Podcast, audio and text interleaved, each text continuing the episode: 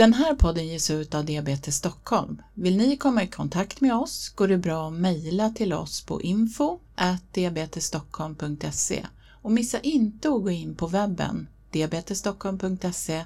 Där hittar ni en massa bra information, bland annat om många intressanta kurser, både digitala och fysiska.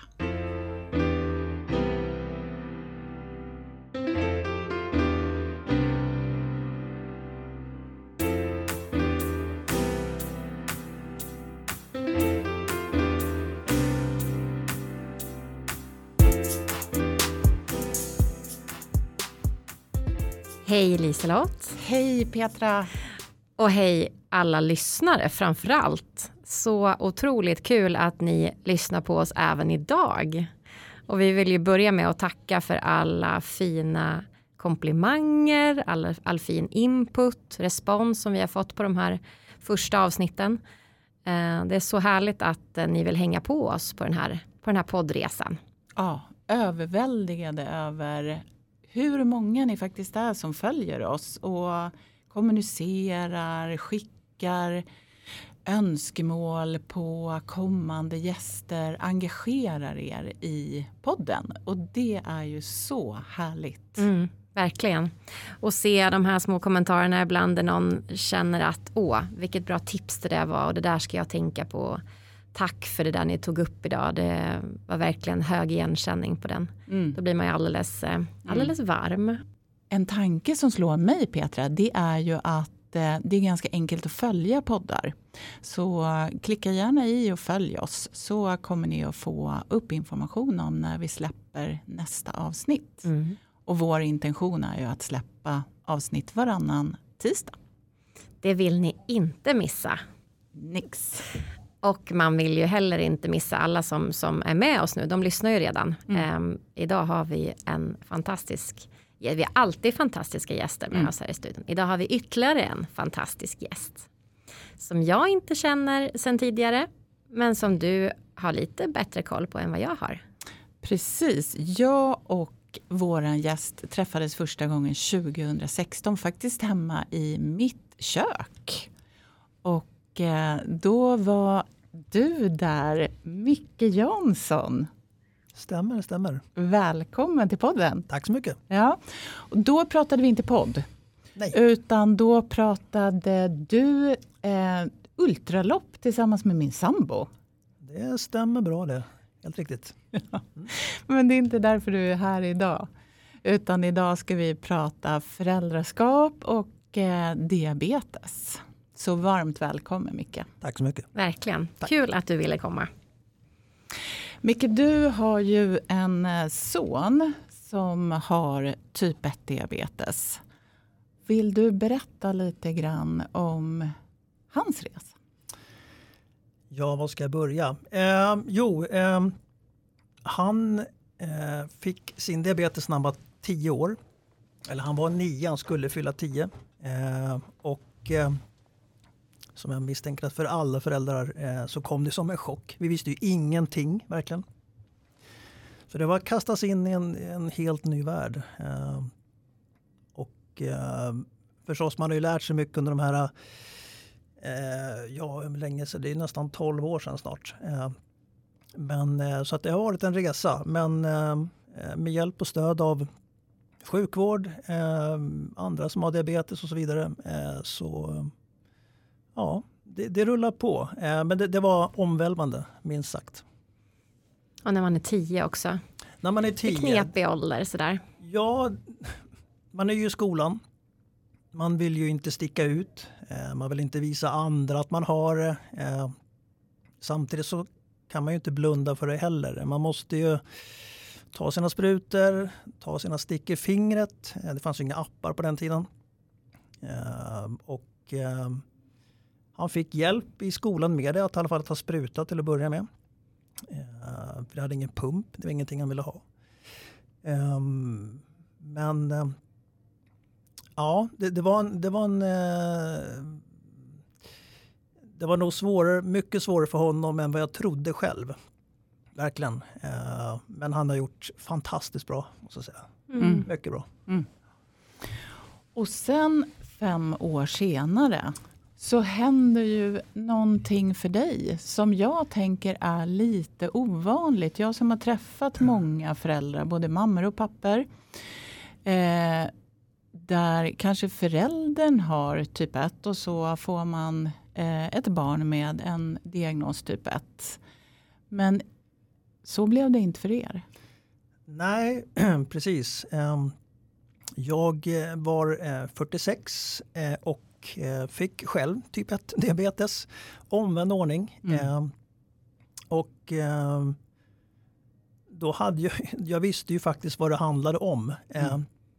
Och börja ta sprutor, börja mäta socker. För mig så blev det en, det, är en ganska snabb övergång till någonting vardagligt på något sätt. Så att jag visste ganska mycket. Och Eh, det har ju hjälpt mig förstås. Så är det ju. Men då ändras ju lite förutsättningarna eller hur man ska säga perspektivet på gentemot sonen när man inte har diabetes. Eh, vilket jag tror och hoppas har hjälpt honom också. Eh, men eh, det, det, ja, det var en, en eh, omställning. Eh, speciellt när man håller på med idrott som jag gör generellt. Lite löpning och så vidare. Eh, men, men ja, fem år senare. För något avsnitt sen så pratade jag om att um, jag har ju själv varit tonåring, men jag har ju inte varit tonåring med diabetes.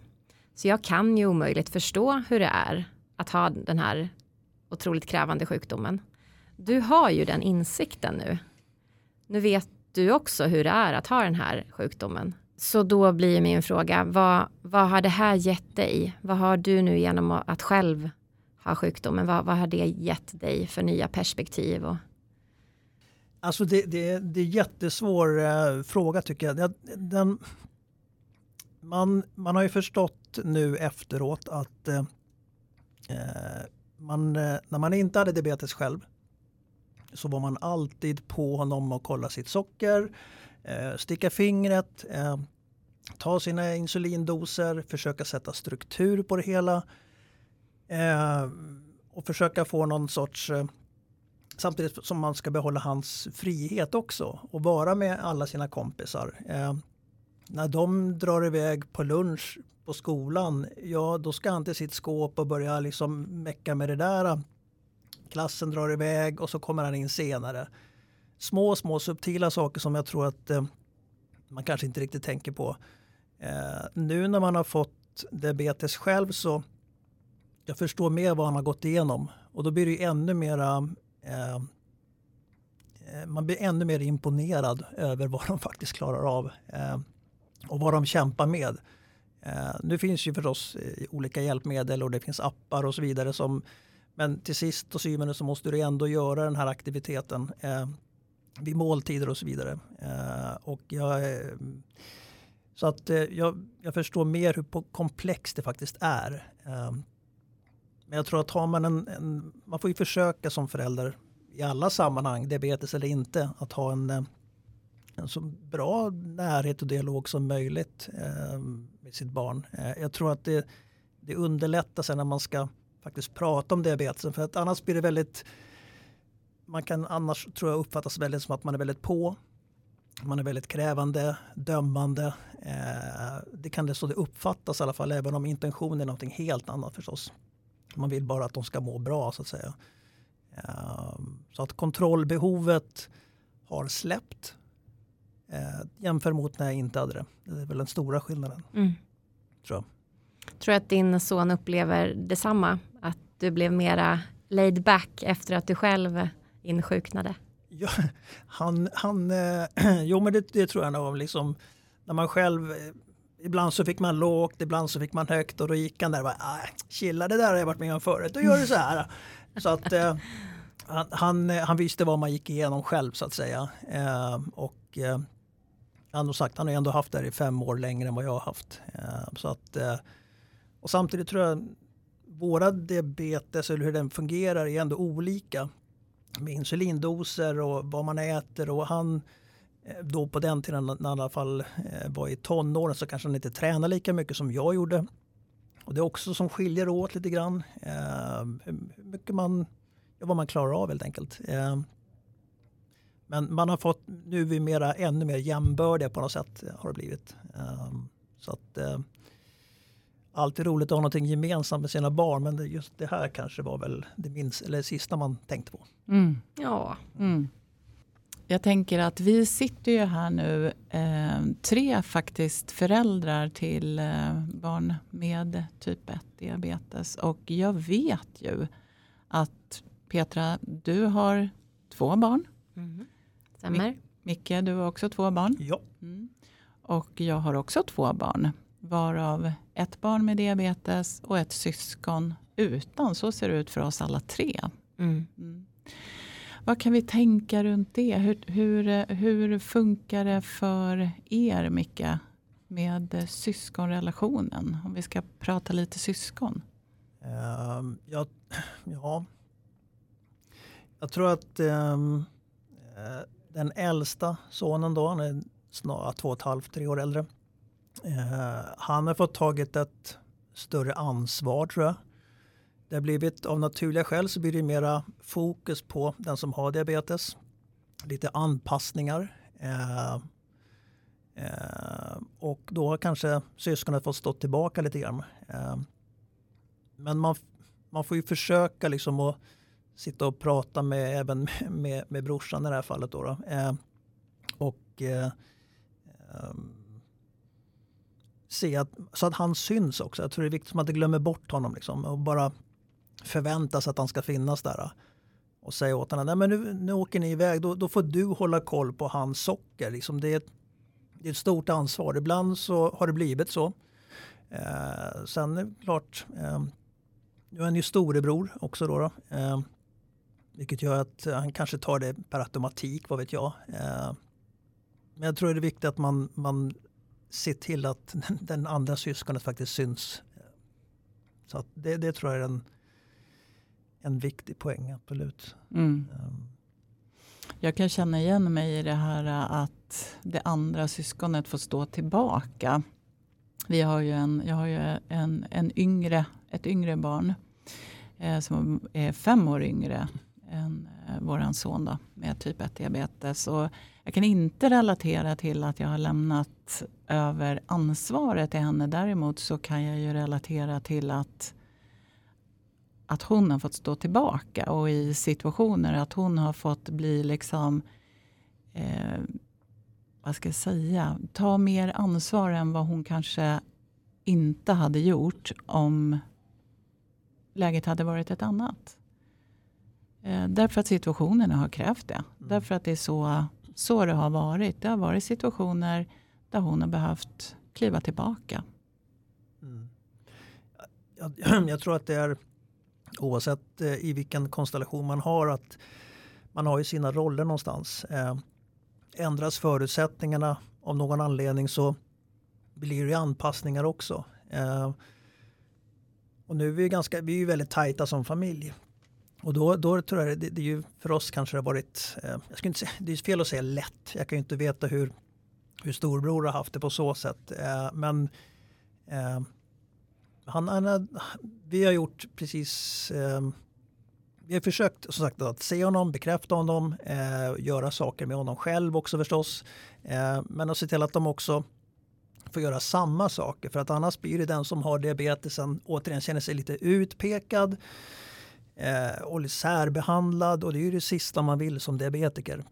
Man vill ju inte att eh, man ska eh, sticka ut från mängden. Eh, det är inget, absolut inget att skämmas för på något sätt. Men man kanske inte heller går en skylt och, och visar att man har eh, diabetes. Utan, eh, eh, men man vill inte, i alla fall inte för vår son, så vill inte han eh, skilja sig från mängden. Han vill göra precis som alla andra, alla andra tonåringar. Eh, så det är viktigt att de, de båda ändå får göra samma saker eh, i mesta möjliga mån. Absolut. Mm. Mm.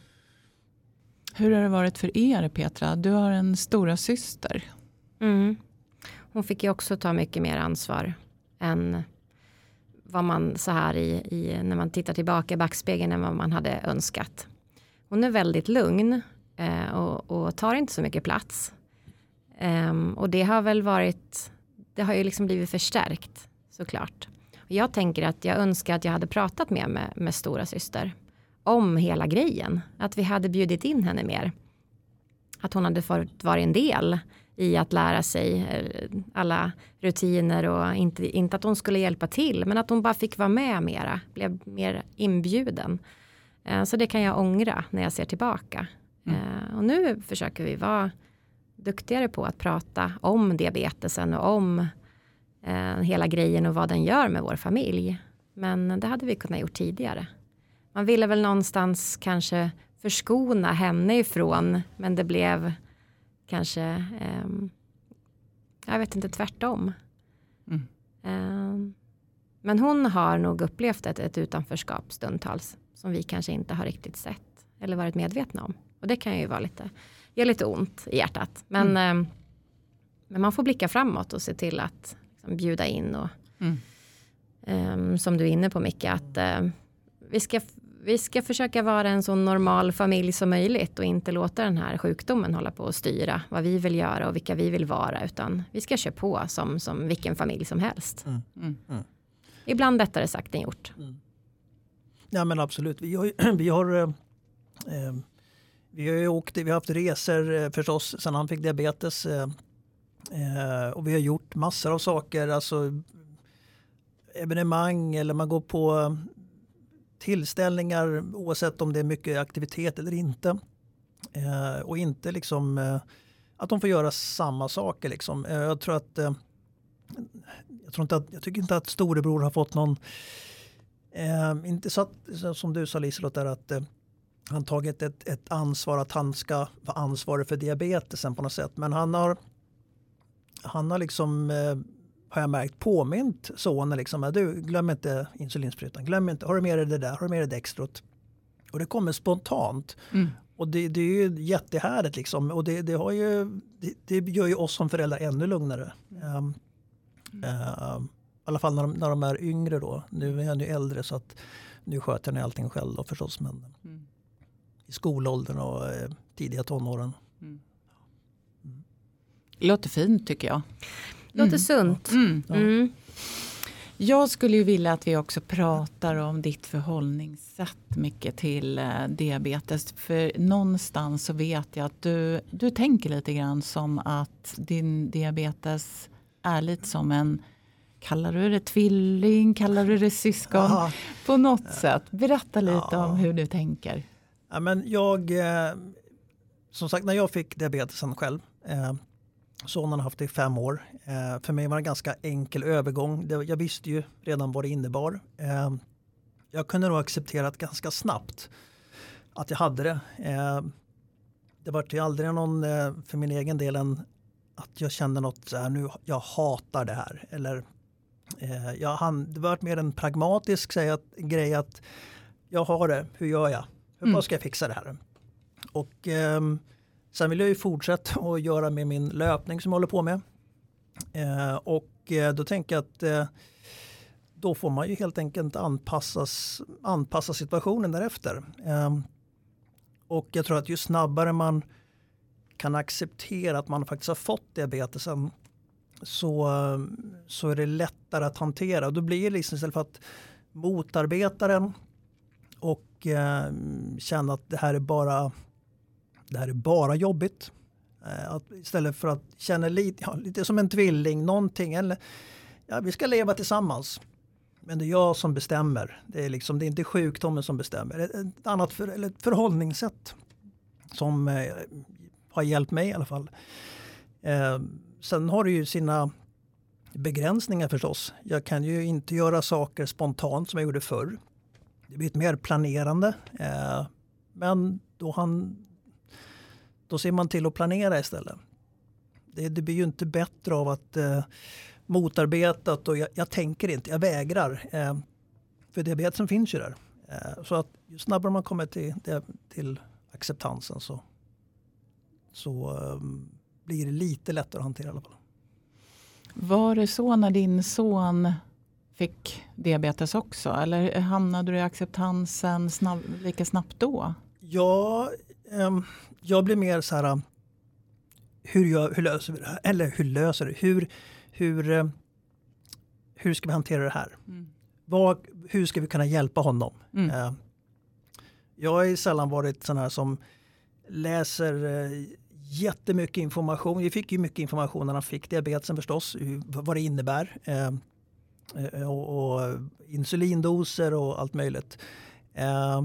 Men för mig var det mer att, eh, eller jag har den inställningen att gör någonting, hur ska man säga, eh, gör någonting pragmatiskt av det hela. Gör, försök hitta en, hur man tar sig vidare helt enkelt. Nu är det någonting nytt, en ny förutsättning, anpassa. Det är lite så jag ser det. Eh, jag vet att när vi satt på första dagen och pratade med diabetessjuksköterskan eh, i Uppsala då. Så började vi, i alla fall jag fråga redan, men hur går det sen när han ska börja dricka och grejer? Och då var han tio. Och sjuksköterskan, ja, men alltså, det är jättelångt fram, du behöver inte bry dig om den här nu. Ta det lugnt, ta det lugnt. Du har massa saker du ska tänka på innan. Eh, så jag tänkte mera, liksom, återigen, hitta en lösning på den. Eh, hur gör man och sen anpassa det. Mm. Eh, gör det inte svårare än vad det är någonstans. Eh, utan att nonchalera bort det förstås. Det, Mm. Så kan man inte göra. Mm. Men om det betyder att jag måste ta en spruta, ja ta sprutan då. Mm. Jag lite det förhållningssättet. Mm. och det tror jag är det är ju svårare förstås när man är, man är barn. Eh, Misstänka när man är vuxen. Man, kan, man har ju lite annat perspektiv kanske. Eh, Men som barn så blir det en helt annan större sak. Men de lär sig också väldigt snabbt att "Ja, jag måste ju ta den här sprutan. Eller vad man har pump eller vad man har. Eh, Men, men ha en lösningsorienterad inställning. Det, det har hjälpt mig i alla fall. Em, Och förhoppningsvis sonen också. Han verkar ha den inställningen nu i sin, den åldern han är i nu. Så att Just det. allt är möjligt. Mm. Och jag tänker Micke, eh, har du och, för du lever ju i en relation, har ni träffat några andra föräldrar med eh, barn med di- diabetes? Nej. Nej, nej. Eh, vi, eh, jag får med att eh, sonen hade en i klassen som hade diabetes. Eh, men eh, det höll lite för oss själva. Vi har inte, nu på senare år, har vi andra i släkten som har fått diabetes. Eh, men just då vid det tillfället så har vi inte haft, eh, haft någon, eller relation, situation eller eh, där vi har försökt ta kontakt med andra. Vi har försökt lösa det själva eh, och ta kontakt med sjukvården vid behov. Har du känt någon, eh, har du känt något behov av att prata med andra? Nej, faktiskt inte. Jag vet inte. Jag, det känns som att det här är det här är våran grej. Vi för, jag förstår ju eh, alltså, att man, det, vi är ju inte ensamma med det här. Man ska inte sätta på sig offerkoftan på något sätt. Eh, kanske hade det hjälpt om man hade känt andra som var andra familjer som har varit i samma situation. Nu hade vi ju inga i vår närhet som var i samma sits. Så vem skulle vi fråga? Vi hade ju ingen då. Eh, jag tror att det kanske skulle ha hjälpt om man hade eh, familjer i sin närhet som var i samma sits. Eh, eller eh, det fanns eh, material att hämta ifrån. Det var ju sjukvården som man fick någon information ifrån. Nu är allting mycket mer lättillgängligt. Allt från du kan hitta på nätet eller poddar. Eller lyssna på poddar. Eller lyssna på poddar. Eh, och det, och det, det skulle nog hjälpa för då behöver man liksom inte om man inte har någon i sin närhet så har, det går, tillgängligheten finns i alla fall. Mm. Eh, men det, det är en teoretisk fråga om Mm. det hade varit eh, Mm. om vi hade eh, hur vi hade gjort då. Mm. Eh, Anledningen till att jag frågar är för att jag, jag upplevde ju en sån enorm längtan efter att få träffa andra föräldrar i liknande situationer. Det är också det som ligger till grund för att jag har tagit fram de här kurserna för Mm. oss föräldrar. Där ett av syftena är ju att vi ska kunna träffa andra och Mm. sitta som vi sitter i det här rummet nu. Tre föräldrar som sitter och samtalar om olika perspektiv, olika frågor. Vad, hur har ni löst det? Hur har vi löst det? Och så vidare. Så det är ju det som, är, eh, som, som blev kurserna för Mm. föräldrar till barn och tonåringar med typ 1-diabetes. Så nu i vår så kommer det ju en ny kurs att starta i samarbete med Diabetes Stockholm, Diabetes Sverige och Barndiabetesfonden den 13 mars. Så är man eh, intresserad av, är du som lyssnar intresserad av att boka en plats på den här kursen gå jättegärna in på Diabetes Stockholm och boka din plats. Kursstarten eh, är som sagt 13 mars och eh, den går digitalt kvällstid. Vi körde en digital kurs i höstas och eh, väldigt, väldigt uppskattat och med föräldrar ifrån hela Sverige. Jag tror det faktiskt skulle passat oss rätt bra. Eh, när man inte har någon i sin närhet, då är det, då är det toppen. Eh, så att eh, grymt bra. Så att säga. Tack. Det skulle vi nog ha nyttjat eh, om det hade funnits något liknande behov då. Eh, enkelt sätt att få info.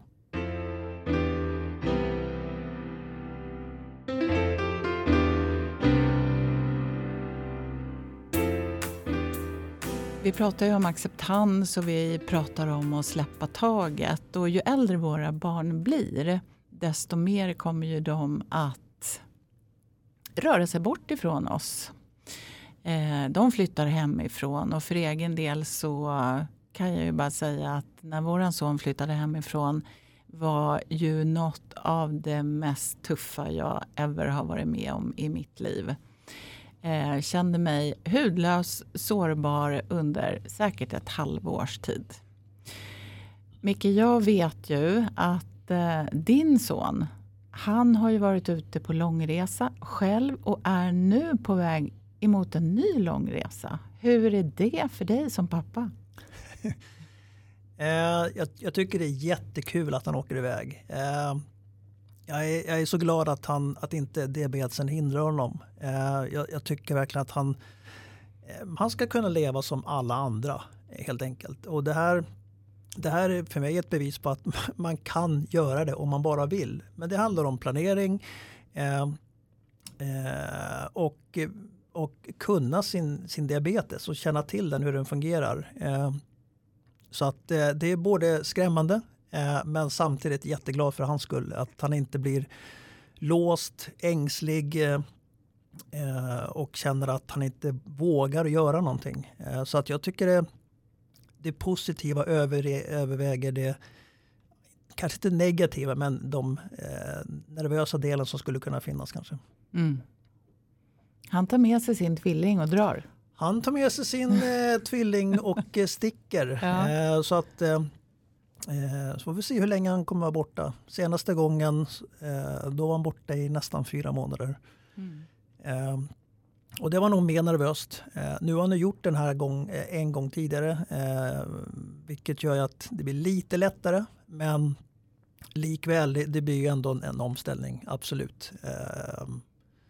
Så att eh, jag, det kommer gå jättebra. Och det positiva som jag förstår det är att du får resa iväg för att fylla på med eh, olika saker längs ja, vägen. Men, ja men precis, precis. Det, vi, det beror lite på hur länge han kommer vara borta. Han vill ju vara borta rätt länge. Eh, och eh, han kan ju inte ta med sig hur mycket nålar som helst eller hur mycket insulin som helst och så vidare. Eh, och så det måste ju fyllas på. Så att eh, vi har väl lite smått eh, planerat in att eh, framåt sommaren om man fortfarande är ute och reser och vilket han antagligen är eh, så kommer vi och möter upp han någonstans i världen eh, med ett lass insulin och eh, nålar och så vidare. Men återigen, det handlar om planering, se möjligheter. Eh, det går. Det går med planering. Det, det finns inget, inget hinder ur den bemärkelsen. Men det svåra eller nervösa är förstås vad händer om, om han blir bestulen eller sådana saker. Eh, så är det. Eh, men man, kan, man måste våga lite också och släppa taget. Eh, men pappahjärtat, det, det, ja, jag, jag litar starkt på honom, absolut. Eh, övertygad om att det kommer gå lika bra som förra gången. Eh, men eh, visst är det Eh, lite pirrigt ändå, lite nervöst. Men det är ju som hans mamma också tycker. Det, det är, vi är glada för hans skull. Eh, och, eh, men blir det lite tomt hemma om inte annat. Mm. Jag sitter här och är så imponerad över, över ditt lugn och hur du pratar om det här och jag tänker att oj, hur kommer jag reagera om min dotter om x antal år säger mamma, jag vill dra iväg på en långresa. Nu följer jag henne eh, via den här följarfunktionen ganska slaviskt. Eh, och jag vet att du och jag pratade, eller vi pratade här innan om att du inte har haft den följarfunktionen på din mm. son. När han drar iväg så där långt då, hur, hur, tänker ni då? Hur håller ni koll på honom? Tänker jag som är, som verkligen håller koll på min dotter. Ja, ja då tänker jag kanske så att eh, var, varför ska jag hålla koll på ja, honom? Ja, Men eller han, hur? Andra, han, är, han är ju äldre, han är, han är ju han är ju 21 som sagt, blir 22. Eh, men, men jag, man vet ju att han klarar av sin diabetes här hemma. Varför skulle han inte göra den där borta? Det är ju, det är ju ingen skillnad eh, eh, ur den aspekten. Nej. Så att eh, man, man måste våga. Jag tror att man, man kan inte hamna sitt, som förälder i sitt eget fängelse någonstans. Eh, de vet vad det innebär. De, de, de kan sin diabetes. Och jag tror att man, de känner nog själva om det här är någonting jag verkligen vågar och kan. Eh, och är man osäker, eh, ja, då kanske man inte ska åka. Men är man, ja, men jag är trygg i mig själv i det här. Eh, då måste man också våga släppa kontrollen som förälder. Jag, jag, tror att det blir en positiv push för barnet också att man, man känner att mina föräldrar de litar på mig att jag klarar av det här. Än att man blir ängslig, orolig och visa de känslorna hela tiden. Eh, Sen kan vi absolut sitta hemma själva och liksom undra hur det går. Liksom, och nu är det det varma landet och hur går det med insulinet? Kyls det ner ordentligt? Men det löser sig. Det, allting löser sig. Så att, eh, eh det finns faror här hemma också eh, som inte är diabetesrelaterat. Och, eh, lite perspektiv på saker och ting och, och våga lita. Eh, det, du sa han ska resa långt. Man blir ju nyfiken. Hur långt, hur länge ska han vara borta? Oj. Planen? Eh, ja, jag vet inte. Han, han flyger ner till eh, Marocko till att börja med. Eh, och sen ska han vidare lite andra nordafrikanska länder. Och jag, jag vet faktiskt inte hur länge han kommer vara borta. Eh, när han kom hem från sin förra resa då pratade han om att när han skulle ut nästa gång eh, då pratar man att de vill ha bort det typ så här ett, två år. Mm. Och ta sig landvägen typ från Afrika hela vägen bort till Japan typ. Eh, huruvida det kommer ske den här gången har jag ingen aning.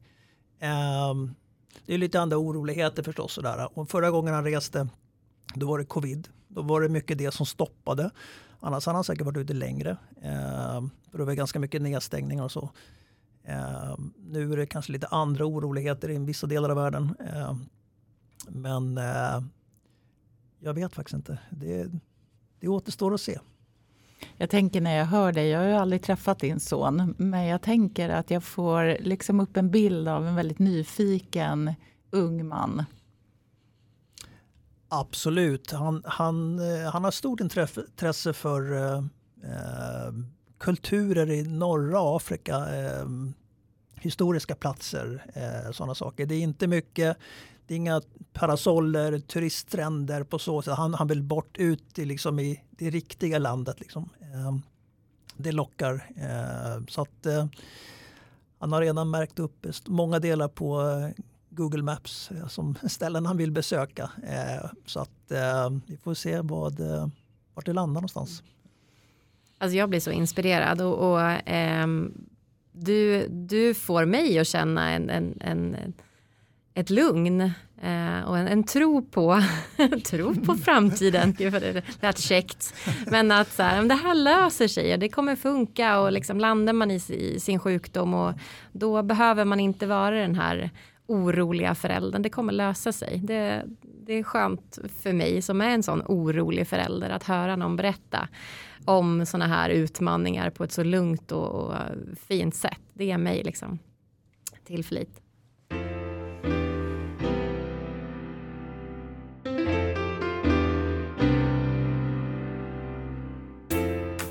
Vi ska börja avrunda alldeles strax här. Eh, men jag tänker att ni som lyssnar på oss här och hör Micke prata. Eh, ni kanske börjar att eh, tänka så här. Mm, den där killen har jag läst om tidigare och det stämmer kanske.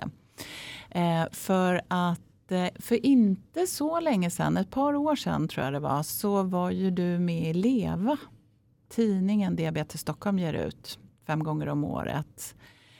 Och där pratade ju du om din stora hobby. Och vi kan ju inte släppa iväg det härifrån utan att vi kommer in på detta.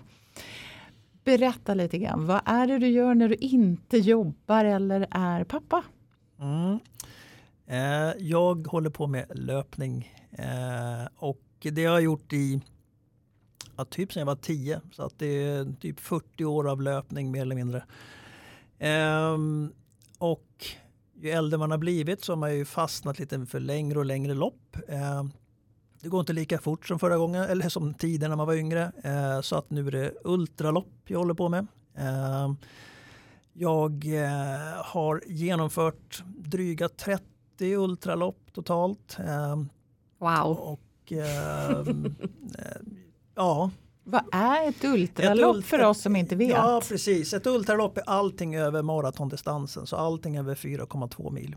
Det är långt. Det är långt. Det är långt. Eh, men det jag däremot har upptäckt med, med, eh, med de här att man springer ju verkligen eh, det är inga, man springer inte på gatorna direkt. Det är ute i terräng.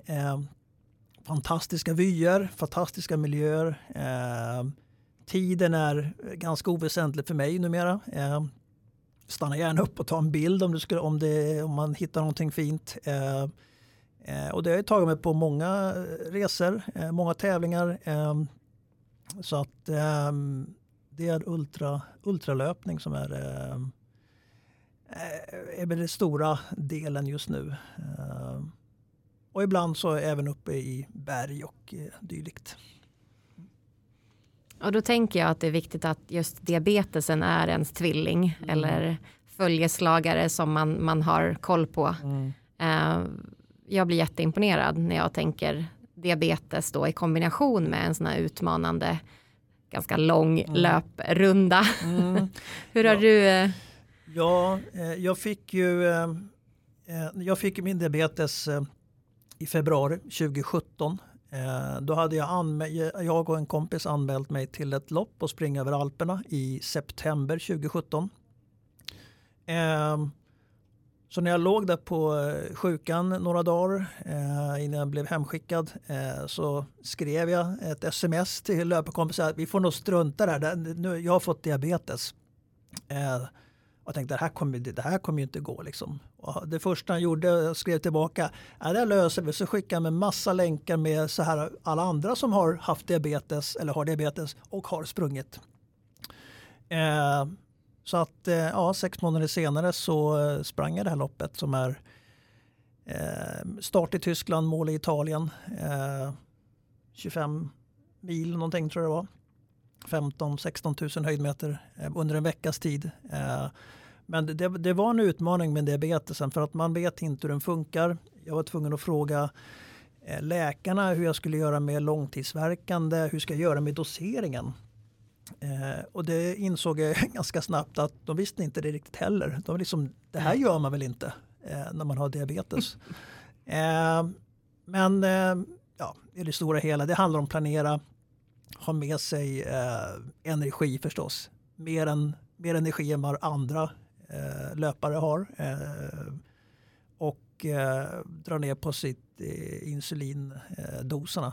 Eh, men det, det tär lite på kroppen. Man, man, man, eh, men man lär sig som sagt. Det är, det är en erfarenhet precis som med allt annat nästan. Eh, och, eh, men mer planerande än vad andra löpare är. Det, det, så att det är ytterligare en liten utmaning man har. Hur mycket springer du varje vecka Micke? Eh, normal, ungefär? Ungefär. Eh, en, en normal eh, vecka när jag inte är sjuk eller skadad på något sätt eh, så brukar vi ligga på sju mil kanske. Eh, och då springer jag oftast på morgnarna. Eh, går upp innan, långt innan jobbet. Går upp vid fyra. springer ja, en halvmara ungefär, ett par dagar i veckan och sen ett lite längre pass på helgen. Ja, inspirerande, imponerande. Wow, jag kämpar med mina fem kilometer. Men vi, vi är alla olika. Det är Ja, vi. jätteimponerande. Ja, verkligen. Så, Ingenting är omöjligt, Nej. även är- om man har diabetes. Nej. Alltså jag tänker du, du inspirerar verkligen och eh, någonting som jag tar med mig det är ju verkligen det här att allt går. Det kanske handlar om planering. Planera och som förälder till, till barn som har det, våga släpp kontrollen. Det, när, de, när, de, när man vet att de själva kan hantera sin diabetes, eh, våga släpp. Lita på dem. Ta, våga lita lite mer än vad man kanske hade tyckt från början för då inser man att de, de, de grejer där. Eh, de är fantastiska. De som, de som växer upp med det här. Eh, så att eh, våga släpp. Mm. Det blir lugnare för er själv också. Hjältar. Ja men jag. verkligen. Mm. Eh, vi brukar ju ha det här inslaget topp tre och du har väl lite summerat dina topp tre. Du får rätta mig om jag har fel här men att planera, att våga släppa taget och att ha diabetesen som sin polare. Mm. Eh, topp tre från Micke. Stämmer. Vad bra. Mm. Vi är så glada Micke att du har varit här och och som eh, tack så vill vi jättegärna berätta för dig att Diabetes Stockholm kommer att sätta in en summa pengar i ditt namn till Barndiabetesfonden. Och Barndiabetesfonden forskar ju på att lösa knuten, frågan. Vad är det som gör att vi får typ 1 diabetes? Toppen. Tack, tack. Ska du springa härifrån nu? Eller går du? Nej, just nu eh, går jag. Nu går jag, men eh, det börjar rycka lite i löparbenen. Ja, Mm. vad härligt. Ja, jag blir superinspirerad än en gång. Men tack alla ni som har lyssnat eh, på det här programmet, på det här avsnittet. Vi ser fram emot att eh, få prata till er snart igen. Det gör vi. Stort tack!